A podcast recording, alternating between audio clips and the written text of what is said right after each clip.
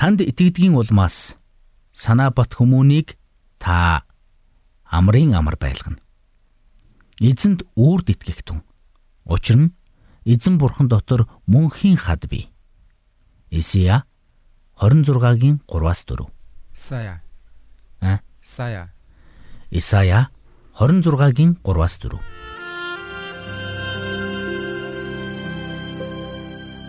Мэргэний сонсог, мэдлэгийн тэлэг. Ухаалх нь мэрэгэн өдөртөмжийг мөн авах. Доктор Харалт цаалогийн мэрэгэн зөвлөмж нэвтрүүлэг.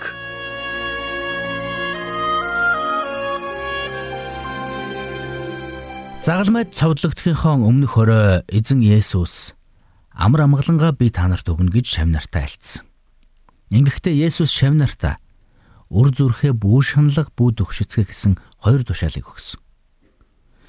Есүс инхүү хэлэхдээ зүгээр нэг санаа зовох тухай яриаггүй. Харин сэтгэлдээ уймрэн шаналл хямралыг тээж амьдрах тухай өгүүлсэн юм. Харамсалтай нь өнөөдөр маш олон хүн нойрны эмгэгтэй санаа зовнил дарагдсан айдас төгшөөр дарагдсан байдалтайгаар амьдарч байна. Харин өнөөдөр Христэд итгэгчид зовлон бэрхшээл дундаж амар тайван байж чадах гурван шалтгаан бий. Энэ бол нэгтгэн бурхны хүч чадал. Хоёр дахь нь Христийн бидэнд өгсөн амлалтууд. Гурав дахь нь бүхнийг хяналтандаа байлгадаг бурхны химжээлшгүй эрх мэдэл юм. Тэгвэл хамтдаа энэ гурван шалтгаан дээр хэсэг зур анхаарал хандуулцгаая. Мэдээж бурхан агуу хүчрхэг гэдгийг бид мэднэ. Есүс Христ энэ дэлхий дээр амьдарч байхдаа хэний ч хийж чадаагүй агуу гайхамшгуудыг үйлдэж байсан. Цаашилбал Библи бурхны агуу амлалтуудаар дүүрэн гэдгийг та мэднэ. Заримдаа бид тэр бүх амлалтуудыг бидэнтэй огт хамаагүй юм шиг сандагч үнэндээ бидэнтэй шууд хамааралтай юм.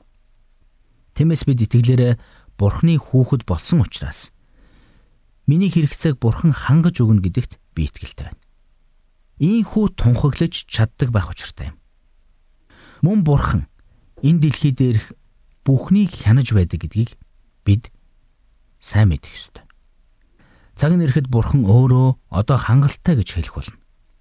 Тэр цагт Есүс Христ сүр жавхлантайгаар дахин ирж бүхнийг шударгаар шүүнэ. Тэгвэл энэ бүхнийг бид өөрсдийнхөө итгэлтэй, өөрсдийнхөө итгэлийн амьдралтай хэрхэн холбох вэ? Өөрийгөө бурхны хүүхэд болсон гэдэгтээ болон Библиэд дэх тэр амлалтууд бидэнд үнэхээр өгөгдсөн гэдэгт бид хэрхэн итгэлтэй байх вэ? Бурхан цорын ганц хүүгээ алдагдсныг аврахын тулд илгээсэн гэдгийг Библиэд тодорхой өгүүлсэн байдаг. Тиймээс бид Есүс Христэд итгэх итгэлээр Бурханы гэр бүлийн гишүүн болохоос нааш алдагдсан төөрсөн нэгэн хэвээрээ байх болно. Тэгвэл шин гэрээнд Есүс Христийг биднийг хайж болохоор ирсэн хончин хэмээн тодорхойлсон байдаг. Тиймээс тэр биднийг олох үедээ биднийг сэргээж бидэнд мөн хэмээг өгдөг. Гэхдээ Есүс Христийн бидэнд тэр бүхнийг бэлэг болгон өгсөн гэдгийг бид ойлгох хэрэгтэй. Үнэхээр бид Есүс Христэд итгэх итгэлээр Бурхны гэр бүлийн гишүүн болсон. Энэ бол сайн мэдээ юм. Энэ бүхнийг бүрэн дүрэн ойлгох чинь туслах би нэгэн түүхийг танд ярьж өгье. Нөгөө чагаас.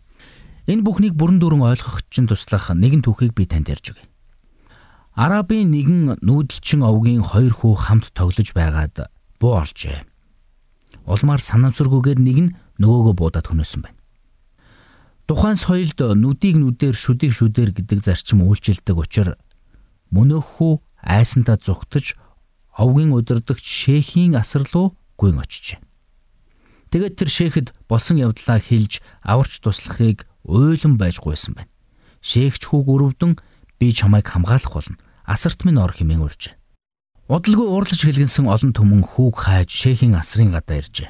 Гэтэл амиа алдсан хүү өөрийнх нь хүү байсныг шейх дэгхэд олж мэдсэн байна. Гэтэл өөрийнх нь хүү хөнөөсөн жаалын амийг аварна гэж тэр амласан байв. Тэр ихэд зочирдож, уурлаж, бас тулгамдсан байна. Тэгээд тэр намуухнаар. Би энэ хүүд өгсөн амлалтаасаа буцаж чадахгүй энэ хүүгийн амийг өршөөе. Би энэ хүүг өргөн авч төрсөн хүү шигэ өсгөх болно хэмээн тэр хэлсэн гэдэг. Тэгвэл бурхан эцэгч нь таныг яг л ингэж хамгаалдаг. Тэр таныг хамгаалан сахих болно гэж амласан. Таныг мөнх хамтаа болгохын тулд түүний хүү амиа өгсөн. Тиймээс та зовлон бэрхшээлээр дүүрэн энэ ертөнцөд ч амар тайван байж чадна.